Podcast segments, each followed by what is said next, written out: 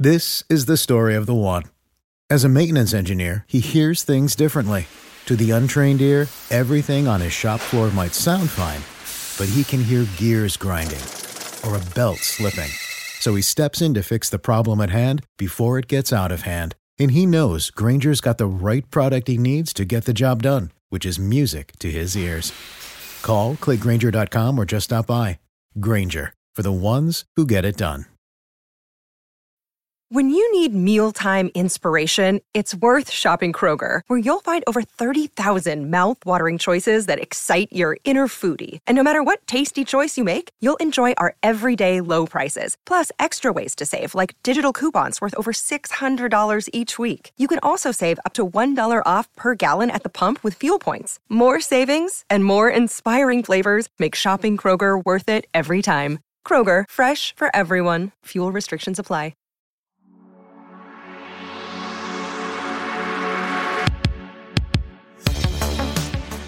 Hello, everyone. I'm Robert Palmer, and I'm excited to have you on board for the Broken System podcast. This podcast is about bringing to light stories that often stay hidden, stories about real people who have been let down by the justice system that should have helped them. Together, we're going to explore cases that show how the justice system sometimes doesn't treat everyone fairly, especially when factors like substance abuse and social class come into play. These stories reveal a concerning pattern where people don't get the same help as those who have more money and privilege. In our first season, we looked closely at the life and tragic death of DJ Ficky. His case showed how the system's biases can stop the justice from happening. Even though it was a tough fight, we managed to bring some closure when the person responsible for DJ's death was arrested. But that story isn't finished, and we're going to keep you updated on what happens next. These stories mean a lot to me. I've seen how tough things can be, and I've been, I've been amazed by how strong people can be in the face of difficulty. Each episode is a chance to see what it's like when things seem really hard. Through these talks, we want to make things more fair and shine the light on parts of the justice system that needs fixing. So get ready for another season of insightful conversations where we're about to delve into stories where justice hasn't been served, and together we'll examine how we can make a difference. Welcome to the Broken System Podcast. Welcome back, everyone, to this week's episode of the Broken System Podcast. This week, we continue with the Temujin Kensu case. In the first episode, we talked about who Temujin was, how he was as a child, and who he had became as a man. And in the second week, we spoke with his wife, Paula, and talked about the current situation and talked about her background and feedback from Temujin's case and how it affects her on a daily basis. So we were very happy to have Paula on board. Paige is not on this episode. I started recording this episode prior to Paige coming on to the podcast, so she will not be in this episode. But we'll we she'll be back in in a couple weeks on the next couple episodes. So be looking forward to that. But I just want to thank you guys for being here. Appreciate you guys listening. So some of the things we're going to go through this week are a lot to do with Temujin's trial and conviction. We're going to talk through eyewitness misidentification, the lack of physical evidence alibi witnesses, ineffective legal representation, misconduct on the behalf of the prosecutors, recantation by eyewitnesses, the fact that there was no motive, the inconsistency in witness testimonies, then all of the post conviction developments, the things that have happened since the trial and through all of his appeals and the fight for release.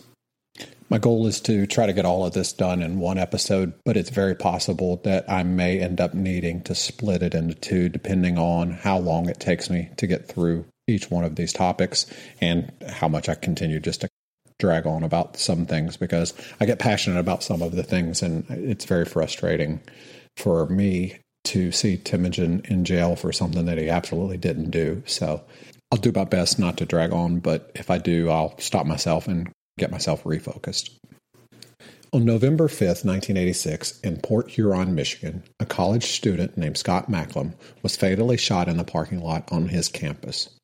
The incident occurred around 9 a.m. as Scott was getting into his car after gym class. Students in the area initially thought the loud noise might be a prank, but then they heard the scream. One car was seen leaving the parking lot driven by an individual who appeared to be hiding their face. When students approached the scene, they discovered Scott Macklem had been seriously injured by a shotgun blast to his back, which resulted in his death.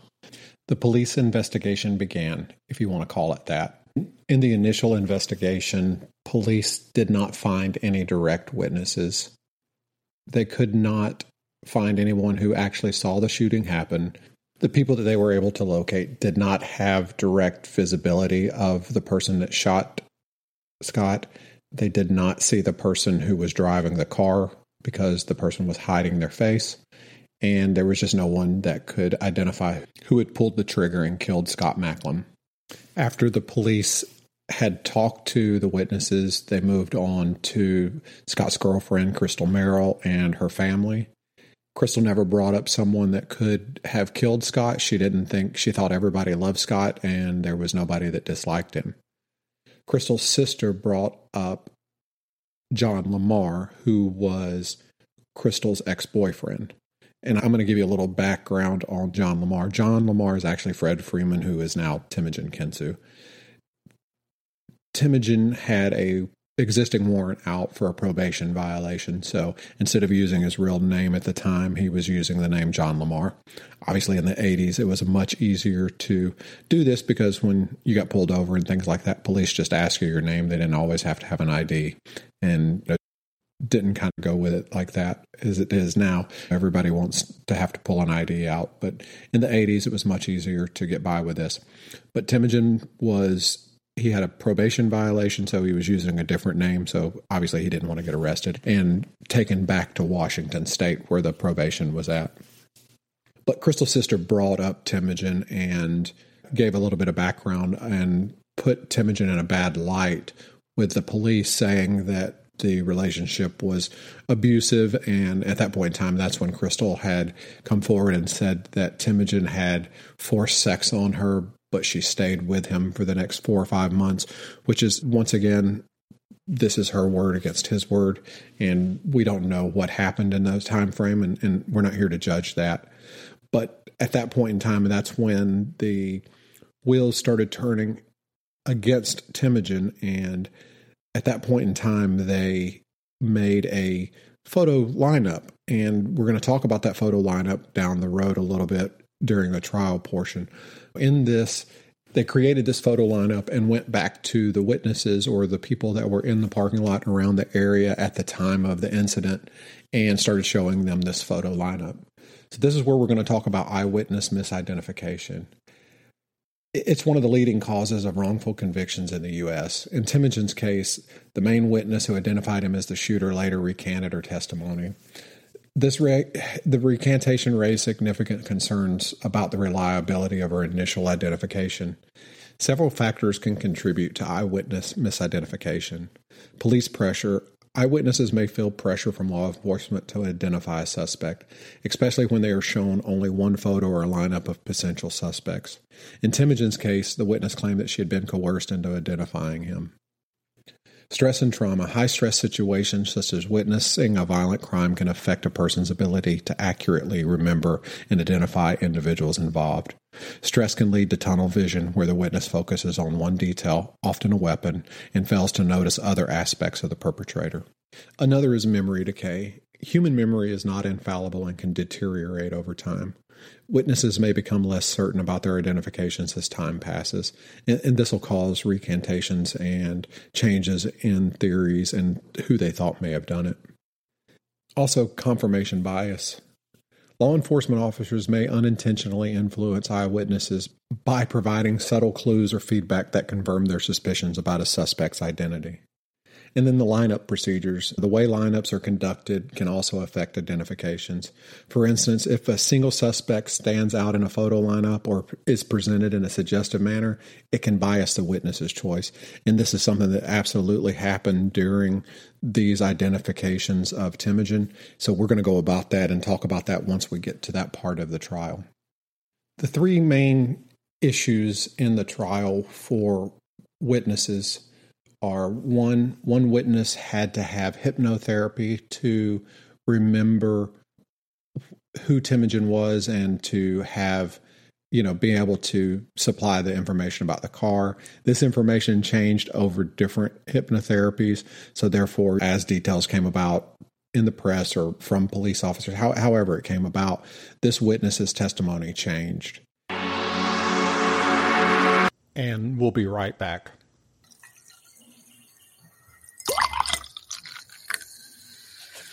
Welcome to Murder and Mimosas. I'm Shannon. And I'm Danica. Together as a mother and daughter duo, we host Murder Mimosas, true crime podcast with an episode released every Saturday at 10 a.m. so you can listen to it during prime brunch time. While we don't require a mimosa, we do highly recommend one. All of our episodes are cases that we found really interesting or just really stuck with us because we hope they'll do the same for you. You can listen to us on Spotify, Apple Podcast, or wherever you listen to your podcasts. Let's take a quick break. Have you ever wondered what's at the root of homelessness? I used to try to describe it to my husband that um, I said, I feel like I'm in this big spider web and I'm stuck in there and how wraparound approaches at missions aim to make a difference? It's the things like that, the people who communicated that in spite of my rough edges, that they authentically cared about me. On the Restorers podcast, we'll talk to experts, investigate current issues, share stories, and give you an inside look at how we at Water Street Mission tackle issues related to homelessness and poverty every single day. Join us by searching Restorers wherever you find your podcasts. The eyewitness testimony that picked him out of a lineup. So, what happened there was there were five pictures of different individuals in a photo lineup. Four of those pictures were facing one way, all with the same county t- identification plates. And Temujin's picture was facing the opposite way with a different county's identification plate. And, and if you know anything, that's just a subtle hint of this something's different about this, and it pushes people to pick that other person. And going into the trial, the defense asked for this photo lineup, and they couldn't produce it. The photo lineup that was actually used was not brought to the trial. It was a zoomed in photo, so you couldn't see the differences in the photo lineup from what was brought to the trial and what was actually showed to the individual. The prosecutors maintained that they had lost the original and did not have the original pictures. But later down the road, while Temujin was going through his appeal process, the actual photo lineup was recovered, so they did have it. So that just in itself shows that they knew that they were wrong by this photo lineup and that it had to be something definitely wrong with it to for them to hide it. The final witness that I would say is the nail in the coffin is the jailhouse informant that was brought in to say that Temujin confessed the crime to him while they were locked up in, in the county waiting for Temujin to go tri- to trial. And this is a big one as it is because one of the things that you look at when someone is a jailhouse informant is what did they get for it? During the trial this informant said that he did not gain any favors from giving this testimony that he was just doing it out of the goodness of his heart. But as they went down and obviously got into the appeals and looking at things they realized that the, this guy was given leniency on his court case because of it. Instead of going to jail over what he should have went to jail over he was actually released on a different kind of bond. And later on this individual that that gave this testimony actually recanted. And he went back and said that everything that he had said was a lie. The only reason why he did it was because of the favors that was promised to him. And this wasn't something that people went and tried to get from him. He came back because he obviously there was some guilt and he was diagnosed with a condition that was going to cost him his life and he knew that he would be dying and he didn't want to go to his deathbed with this in on his heart and you know he he wanted to come and tell the truth about it so those are the three things. So, so you've got an eyewitness that had to have hypnotherapy to say that they saw Temujin there is a photo lineup that is just bonkers in the way that it was done that the prosecutors said that they lost and couldn't bring the original photo lineup to court. So they changed the photos. Had the same people in them but just the way that they were presented was totally different and then the jailhouse informant basically came back in and said, "Hey, I lied. I only I made this stuff up to get favors from the prosecutor and these are the reasons why I did that." So just in those things right there, those are enough to me in my mind that in an appellate process that they should not be overlooked. Those should be things that should have had had gotten Temujin a new trial from the very beginning. Then you go to the second portion, and there's going to be so much more that we'll talk about as we go through this, but the lack of physical evidence is another glaring problem in this case. There are no fingerprints, no DNA, or let me rephrase that. There was no DNA from Temujin, there was no fingerprints from Temujin, and there was no forensic evidence that was presented during the trial to link Temujin to the murder. And the absence of this just it weakens the prosecution's case and it leaves me and a lot of people questioning how the conviction was secured without proof. So there was a 12 gauge shotgun shell found on site and an empty box of shells. There was a fingerprint that was also recovered from these items that was never able to be one tracked. That's to me is very important there, and two wasn't ever be able. To, it wasn't able to be linked to anyone.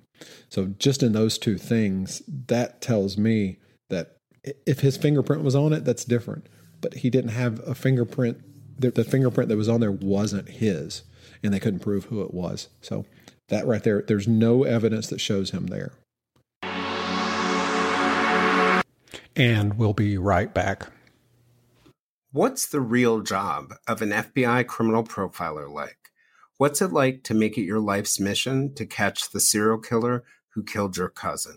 What's it like to be a lesbian, an advocate for LGBTQ rights in the Mormon church, or to lose your husband at a young age and then devote your life to understanding the role of loss and how it impacts people at work?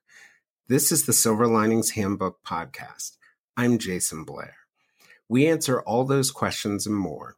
As a mental health coach and former New York Times reporter, I bring uh, my deep curiosity and deep desire for understanding people and my firm belief that human life is precious to the podcast. Our goal at the Silver Linings Handbook is to take you to interesting places with interesting people in conversations where you feel as if you're sitting in the living room talking with us. The door is open, and we would love to have you come join us wherever you get your podcasts.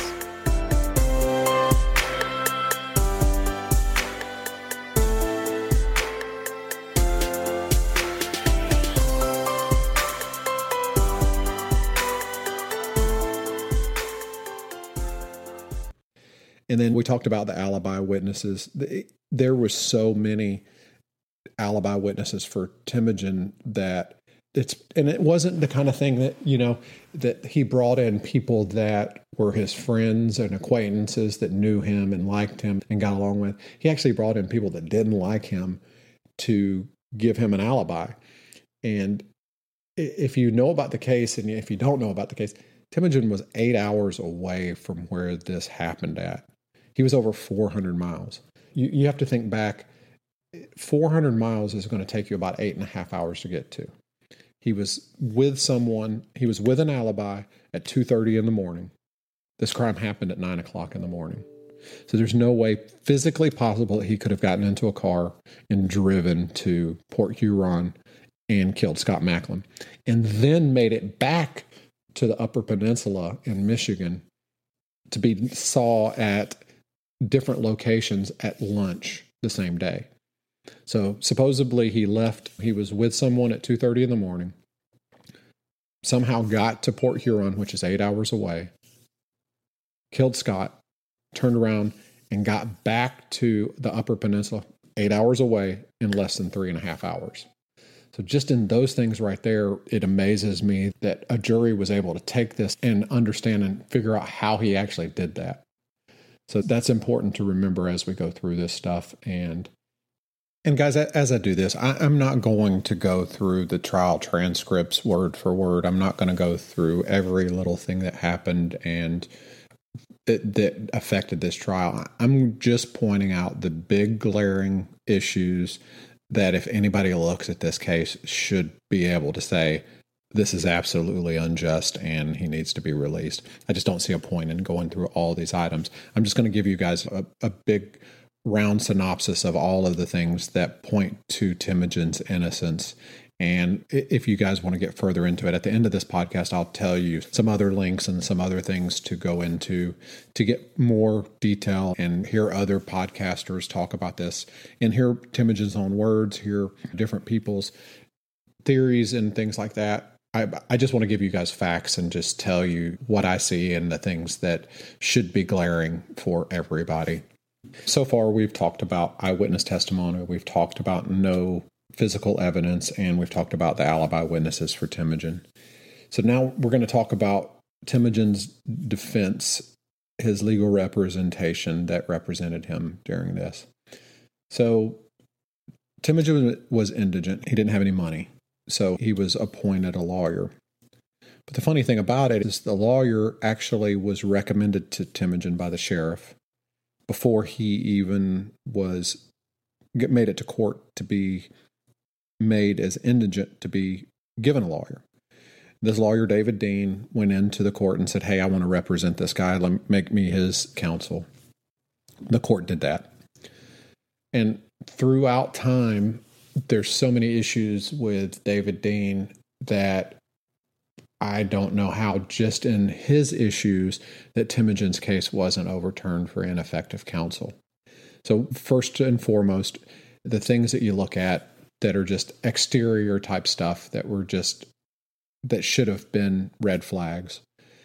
David Dean represented the sheriff in a um, civil matter.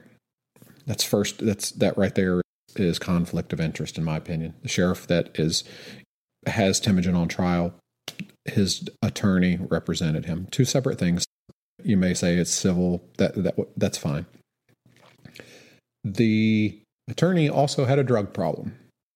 He had been caught with drugs. He had been buying drugs from his clients. He had been purchasing drugs through informants. And there are some rumors that there were things going on between him and the sheriff and informants and things like that once again, those are rumors. I can't substantiate any of that. I don't know any of that, and I don't know that anybody can other than the sheriff, obviously, and, and David Dean.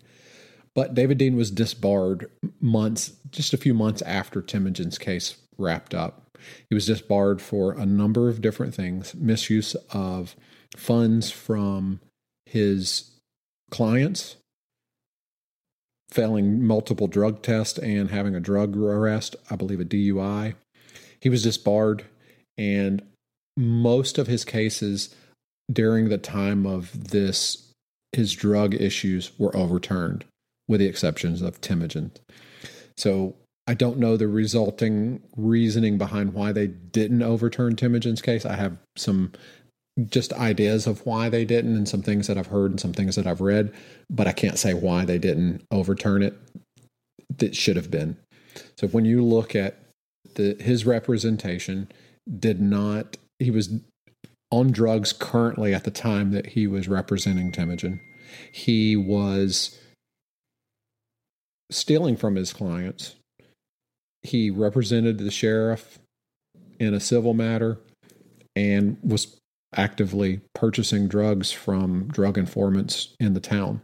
And then the absence of post conviction efforts raised lots of questions. After Temujin's conviction, concerns rose that his defense attorney didn't vigorously pursue post conviction efforts. He didn't file appeals. He didn't seek new evidence. And he didn't advocate for his case to be re examined. Obviously, he couldn't because he was under investigation and was shortly disbarred after that. And by the time Temujin realized this, a lot of his time frames, because they're pretty strict deadlines on appeals and such that have to be hit and met, they'd passed. So he we lost out on some of these things because of his lack of legal representation. So just in these things alone should have been a retrial for Temujin for an ineffective counsel. And that didn't happen. These things were looked at and just bypassed in all of these different appeals throughout Temujin's case. And then on top of that, you look at the fact that he didn't present crucial evidence and witnesses that could have supported Temujin's innocence. And that right there, just in itself, he, he didn't give Temujin the proper defense that he needed.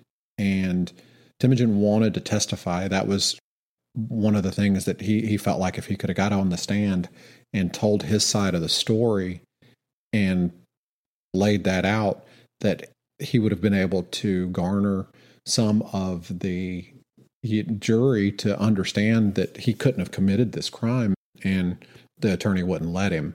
So that right there was another issue that that with him not being able to or being held off the stand because of his attorney, that is another just an ineffectual means that should have overturned this case. And as some of the jury has spoken over the years, they said that one of the biggest things was that they didn't hear Temujin's side of the story. They didn't feel like the defense gave enough of an alibi for him and didn't present his case to where that they could say that he didn't commit this crime. Let's take a quick break. Introducing Work from Anywhere, a Haworth Connect podcast, where we sit down with industry experts to discuss what's new and important in the world of work. We are now kicking off season two. In this series, we're focused on organizational culture, how important that is to the way we go forward in a work from anywhere ecosystem, and how we design the workplace to best support the most engaged workforce. We're available wherever you find your podcast, and we hope you'll learn along with us.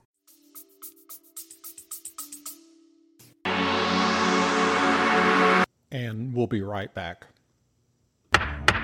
We're here in the matter of the United States of America versus. Is a collect call from a person presumed nice until proven naughty. Santa Claus. Y'all, Santa Claus is locked up, and I'm gonna get him out. My name's Richie Buck. I'm an amateur podcaster and investigator. I'm an Investipodster. I came up with that. If you like true crime, feelings of the holidays, and I ain't just talking about Christmas. And satire? Well, Santa May Be a Criminal just might be for you. Some of your favorite true crime podcasters have joined in to spin this yarn. I'm Chet. If the mitten ain't a fitting. Can you tell who's who? Stop acting like And you're is Santa a criminal? Let's find out together. Could be some kind of elf in Tourette. Santa may be a criminal.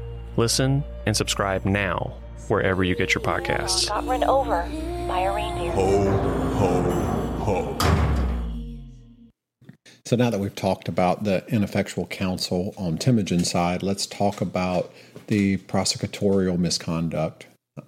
There were claims that the prosecution suppressed exculpatory evidence.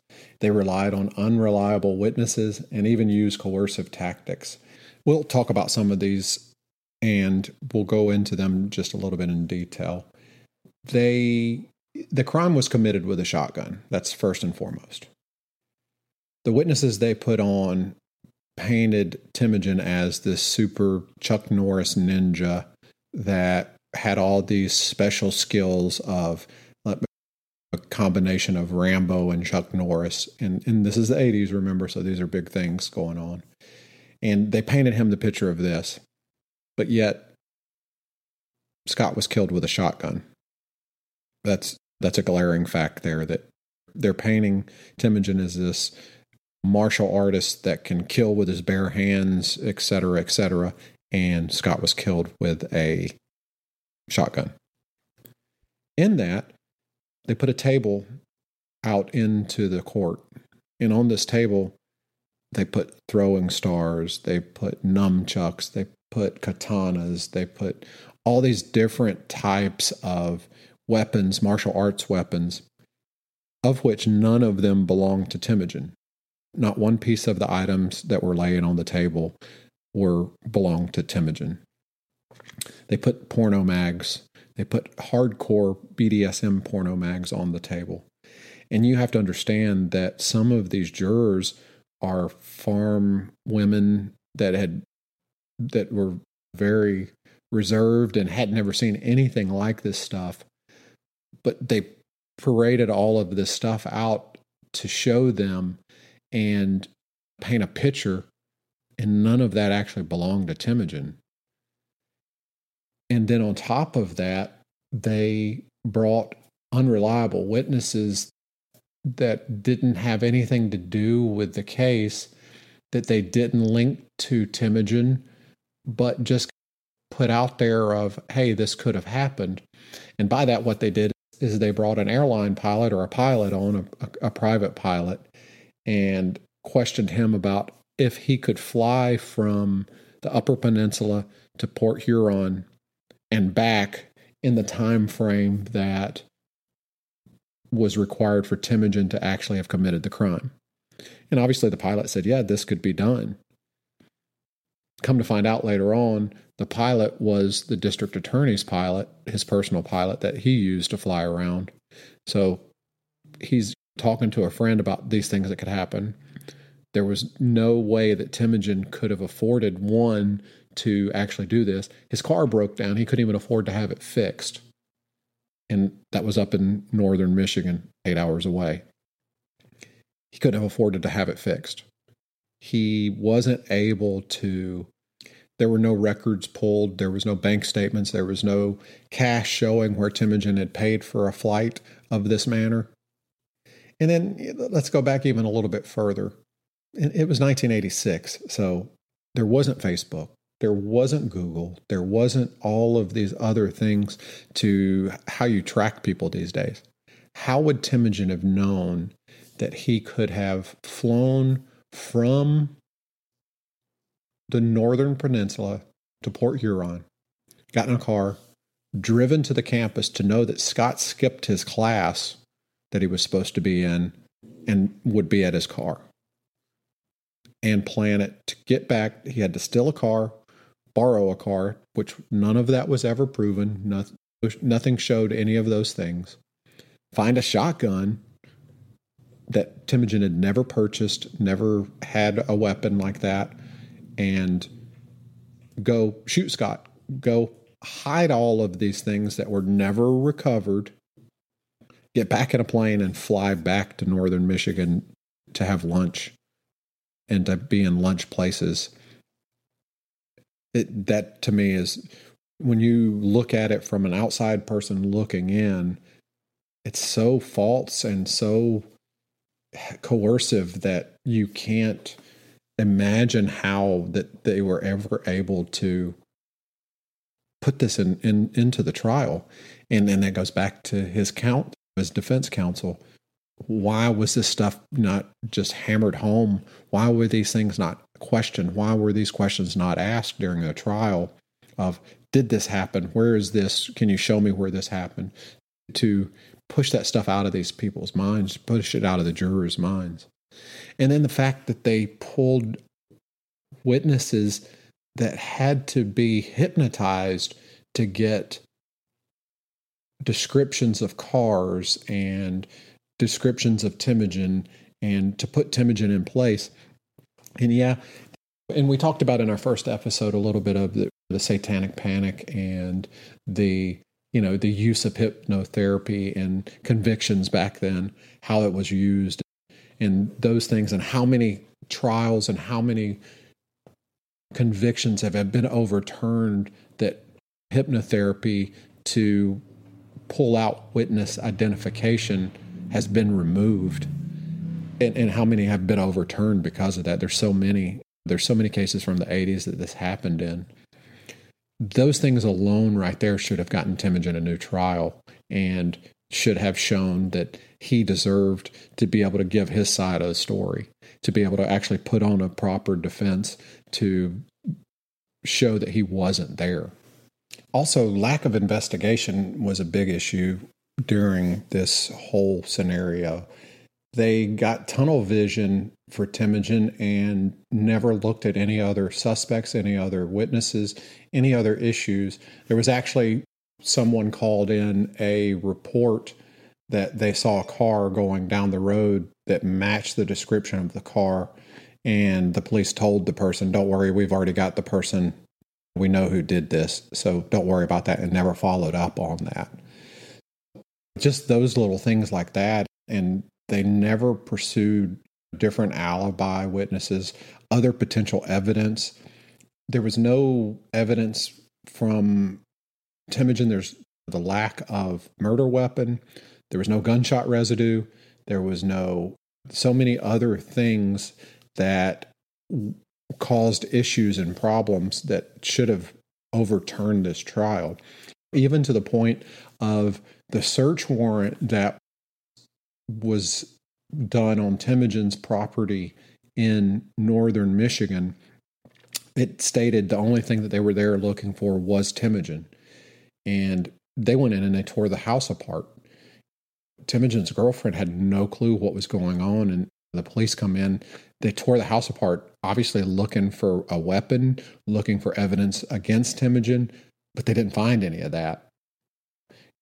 When they arrested Temujin, they had, I believe, eight to 10 officers that arrested him because he had been perpetrated as this Chuck Norris Rambo type person that was ready to kill everybody and could do it because he was that much of a martial arts expertise. And the those just weren't the things that they should have been focusing on. Now we'll talk about the biggest thing, in my opinion, is in, in its lack of motive. Temujin didn't have a motive for killing Scott. He broke up with Crystal and moved with his girlfriend eight hours away. And when you talk and you hear about Temujin, he was a womanizer he loved women and his mindset was that when he lost one there was another one right around the corner. When he tired of one there was another one right around the corner. So him and crystal's breakup was not something that affected him. They may have spoke once or twice over the phone.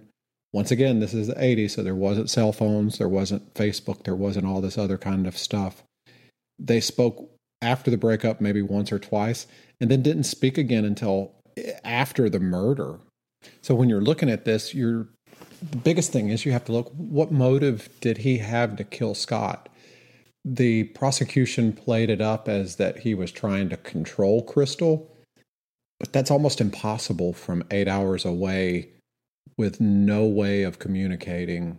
And he had never met Scott. He didn't know Scott existed. So he had no way of trying to control Crystal and not knowing where she was, what she was doing, who she was doing it with. And it is almost a non motive. There was no reasoning for him to kill Scott. There was no thinking that he was going to get Crystal back. He didn't want her back. He had broken up with her because of her overbearingness and her wanting to change him from who he was. So it's not something that he would try to go back to and try to make a change after he's already moved with his girlfriend eight hours away, 400 miles, to restart a new life, to, to begin over. So when you look at this case overall, there was no means, there was no motive, tons of alibi witnesses. The police got tunnel vision. Their witnesses were full of inconsistencies. The timeline was impossible. They used means and methods to impact the way the jury saw Temujin. Then you add in the ineffective counsel from Temujin's side the inability to have a true defense and put on true alibi witnesses, bring in expert testimony showing how that the state couldn't prove beyond a reasonable doubt that Temujin did this. And just so many inconsistencies and so many problems throughout the whole trial. The recantations of witnesses. After all of this, the ability to actually prove him guilty wasn't there. And it should have been treated that way. And he should have gotten a new trial just based on what happened. So now you fast forward through his appellate process. Things happen. Cleland, the district attorney at the time, is now a federal judge. So as Temujin's case comes through the appellate process, the appellate judges have to recuse themselves because of the connection with Cleland. So that just adds in another layer of issues. They send his case out to be looked at by a judicial panel, and it gets turned down. At one point, his case was suggested to have a new trial, but then that was overturned with no reasoning. The Innocence Project took on Temujin's case. They've pushed really hard to get them, some things done.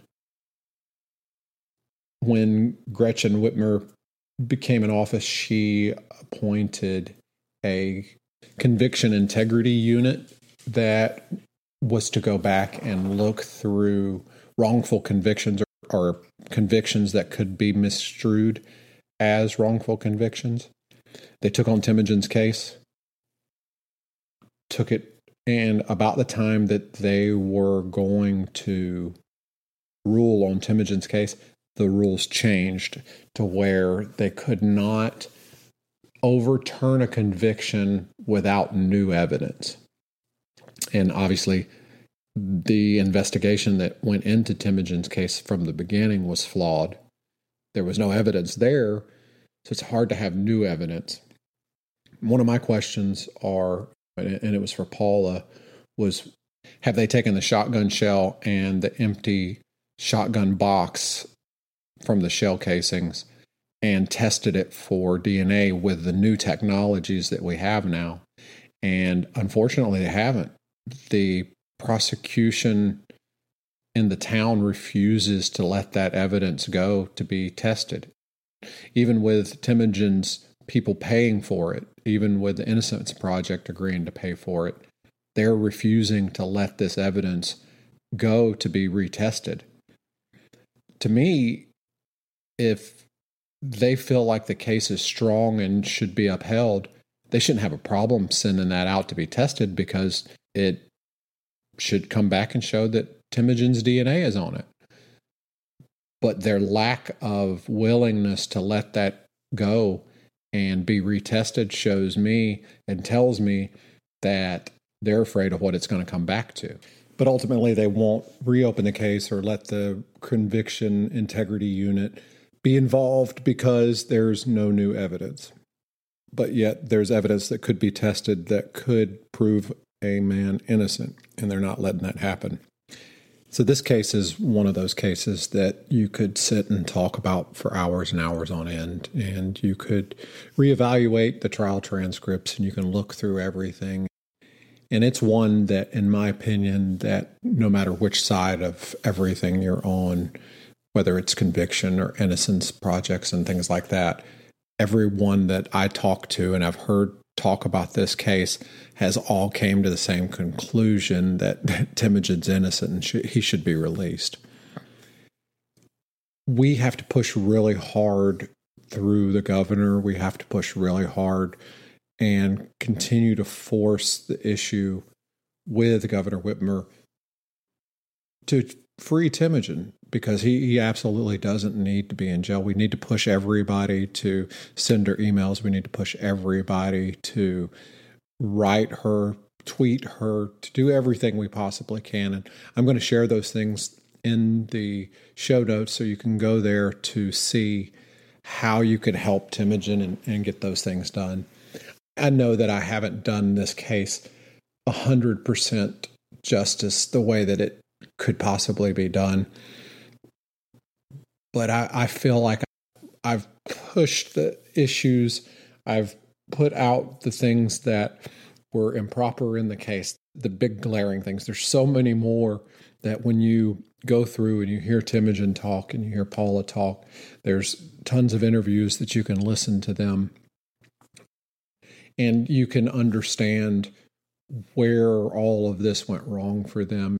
And even from the felony conviction that resulted in his life sentence didn't meet the standards that it should have been. So that's another issue of another whole sort. I can only hope that we can push and push to get Temujin home because he deserves it. Paula deserves it. And when I think of everything, Scott Macklem deserves it because his true killer is still out there. So every day that Temujin's in jail, there's someone that killed Scott that's not in jail or that wasn't convicted of his crime because they never actually investigated it. You go through and you hear all types of stories, and you can never believe that a conspiracy to convict someone happened. But when you hear Temujin's case, it's absolutely that way. From the moment he was arrested to his attorney, to the prosecution, to the judges, to the witnesses, to all of everything of how it was brought in and the whole trial was handled and the missteps into his appellate issues, the Cleland being nominated to be a judge. It just, all of this stuff has lined up to keep Temujin in jail. And I look at things and it's not just political, I don't think. I think it goes to financial. I don't think that they want Temujin to be released because of the money they're going to have to pay if they grant him a new hearing and he's found not guilty or if they vacate his conviction because it, the dollar value is going to be astronomical. And I believe that's part of the reason. I don't know why Governor Whitmer will not look at this case in more in depth and actually speak to people about it. She actually avoids this case. And I don't know if it's because of Cleland being a federal judge. I don't know if it's politically backed. I don't know if she just wants to keep her head in the ground and not deal with it. I, it, it amazes me that she won't address the situation. And we just have to get behind Paula. We have to push for Temujin and help Paula do everything. You can only imagine how taxing this is on her. And each year she has to go through holidays and things, hoping that next year will be the year. And we need to make sure that this is the year that Temujin's home. I just implore everybody to write Governor Whitmer, tell her that Temujin needs to be released, tag her on Facebook, tag her on X, Twitter, whatever it's called now, and just let her know that that what she's done is wrong by ignoring it especially if it's for political aspirations, in my opinion, she would be better off to get somebody out of jail. The support that she would get in freeing someone that's actually truly innocent. And we'll be right back. Are you tired of having an unruly, scraggly beard that just won't cooperate? Look no further than Copper John's Beard Company, your one stop shop for all your beard care needs. Our commitment to quality ingredients and unique scents will take you on a journey to create your perfect beard. Specially formulated beer oil and butter will give your beard the TLC it deserves, leaving you looking healthy, manly, and wise. But what sets us apart from the rest? Copper Johns is the only beard product company that uses inland sea minerals, providing your beard with essential nutrients and minerals for optimal health. Don't settle for a lackluster beard any longer. Upgrade to Copper John's Beard Company and take the first step towards achieving the perfect beard. Use code BSP10 at checkout for a special discount on your first purchase. Order now and start your journey to a healthier, more confident you with the Copper John's Beard Company. Everybody think about this and, and realize that it could be any of us sitting there and having this happen to. It's not just a one off case. It, it is, in my opinion, on the lower side of wrongful wrongful convictions happen, but something that's just such an abuse of the court systems and our justice system has to be corrected. And we have to stand up as individuals and make sure that our voices are heard and we make sure that Temujin has a voice outside of who the people are screaming now. Thank you for taking the time to listen to me. I, I hope that you guys have enjoyed this and, and taken something from it and understand where Temujin's at and what needs to be done for him. If you want more information, the, the ones that I tell you to listen to um, is Unjust and Unsolved with Maggie Freleng. She does a great job. She has some one on one interviews with Temujin that, you know, she's able to get a lot of information from. Obviously, the Prosecutors podcast, they have two episodes dedicated to it they got to the end of their episodes and truly believed Temujin was wrongfully convicted, and that's coming from prosecutors. And undisclosed, undisclosed did a good job with getting his information out there and making sure that he is getting that spotlight. So those are the three that I would request would say that you should go listen to outside of mine, of course. Thank you very much for listening, and I appreciate each and every one of you. I appreciate you taking the time out of your day to listen to me rant about these things.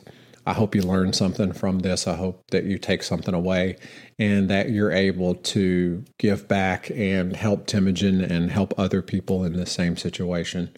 And with any case, I ask you to do your own research, to look up the information yourself form your own opinion. Don't let somebody else form it for you. Don't let my my podcast form your opinion. Research it, understand it, and see what happened and what's going on. I hope that I brought you information that helps you to progress to a good decision on your own. And thank you all very much. Thanks everybody so much for listening. We appreciate you very much. We do want to invite you to like our Instagram, our Facebook, and our X, Twitter, whatever you want to call it. it. You can find us at The Broken System Podcast on all of those formats. We also will be, hopefully, in the next few weeks, hosting a podcaster meet and greet on December 2nd with a few podcasts. I know for sure Santa maybe will be there and the Silver Linings Handbook will be there. So we're going to be adding other podcasters. I know we've had some reach out to us already. We're going to be posting more about this event across our socials soon and have a location here in Atlanta that we'll be doing this at. So hopefully a lot of you can come and join us and meet us and meet and greet and get to know us and kind of be a part of our group. That that would be awesome. And like I said, there are going to be some other podcasters adding that you guys will be excited to hear. Also, if you would rate and review us, if you're on Apple, leave us a written comment. That helps us grow the show and it helps us, you know, get us out there to other people. Over the next few weeks, we'll be doing some live interviews. It's going to be called Unbroken, the Broken System podcast interviews in this, we're going to bring forward some other podcasters, talk about some of their cases that they're working on. We're going to have some victim advocacy groups. Our goal in this is just to bring to light as many cases and stories that maybe you haven't heard about, that maybe be the one case that you know something about that you didn't realize you knew something about, and we're able to help bring closure to a victim, to the family, or, you know, in, in the case of Temujin, help him gain his freedom for something that he didn't com- do. So that's our goal is to just bring to light as many cases and get into the forefront as many people as we can to help people along the way. If we are able to get one more listener to something and push one more person to to step up and to scream to the top of their lungs to help somebody. That's our goal. Once again, we appreciate you. Thank y'all very much, and we look forward to talking to you soon. And that's a wrap for today's episode of the Broken System Podcast. Don't forget to show your support by liking and sharing this episode with your friends and family. We also invite you to join us on Facebook and Instagram for more updates, behind the scenes content, and community discussions. Just search for the Broken System Podcast on both platforms and you'll find us. We encourage you to check out our show notes for this episode, where you can find links to our partners, a transcript of the episode, and information about the music you heard today. We want to make it easy for you to access all the resources we discuss on the show. And lastly, this episode was written, edited, and researched by Robert Parman. Thanks again for tuning in, and we look forward to bringing you more thought provoking content on the next episode of the Broken System Podcast.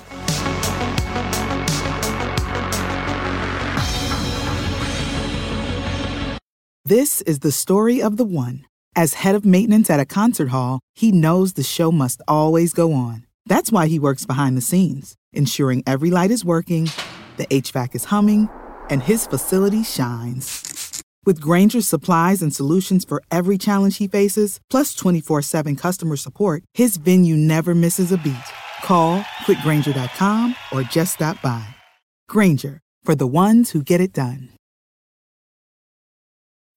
When you need mealtime inspiration, it's worth shopping Kroger, where you'll find over 30,000 mouthwatering choices that excite your inner foodie. And no matter what tasty choice you make, you'll enjoy our everyday low prices, plus extra ways to save, like digital coupons worth over $600 each week. You can also save up to $1 off per gallon at the pump with fuel points. More savings and more inspiring flavors make shopping Kroger worth it every time. Kroger, fresh for everyone. Fuel restrictions apply.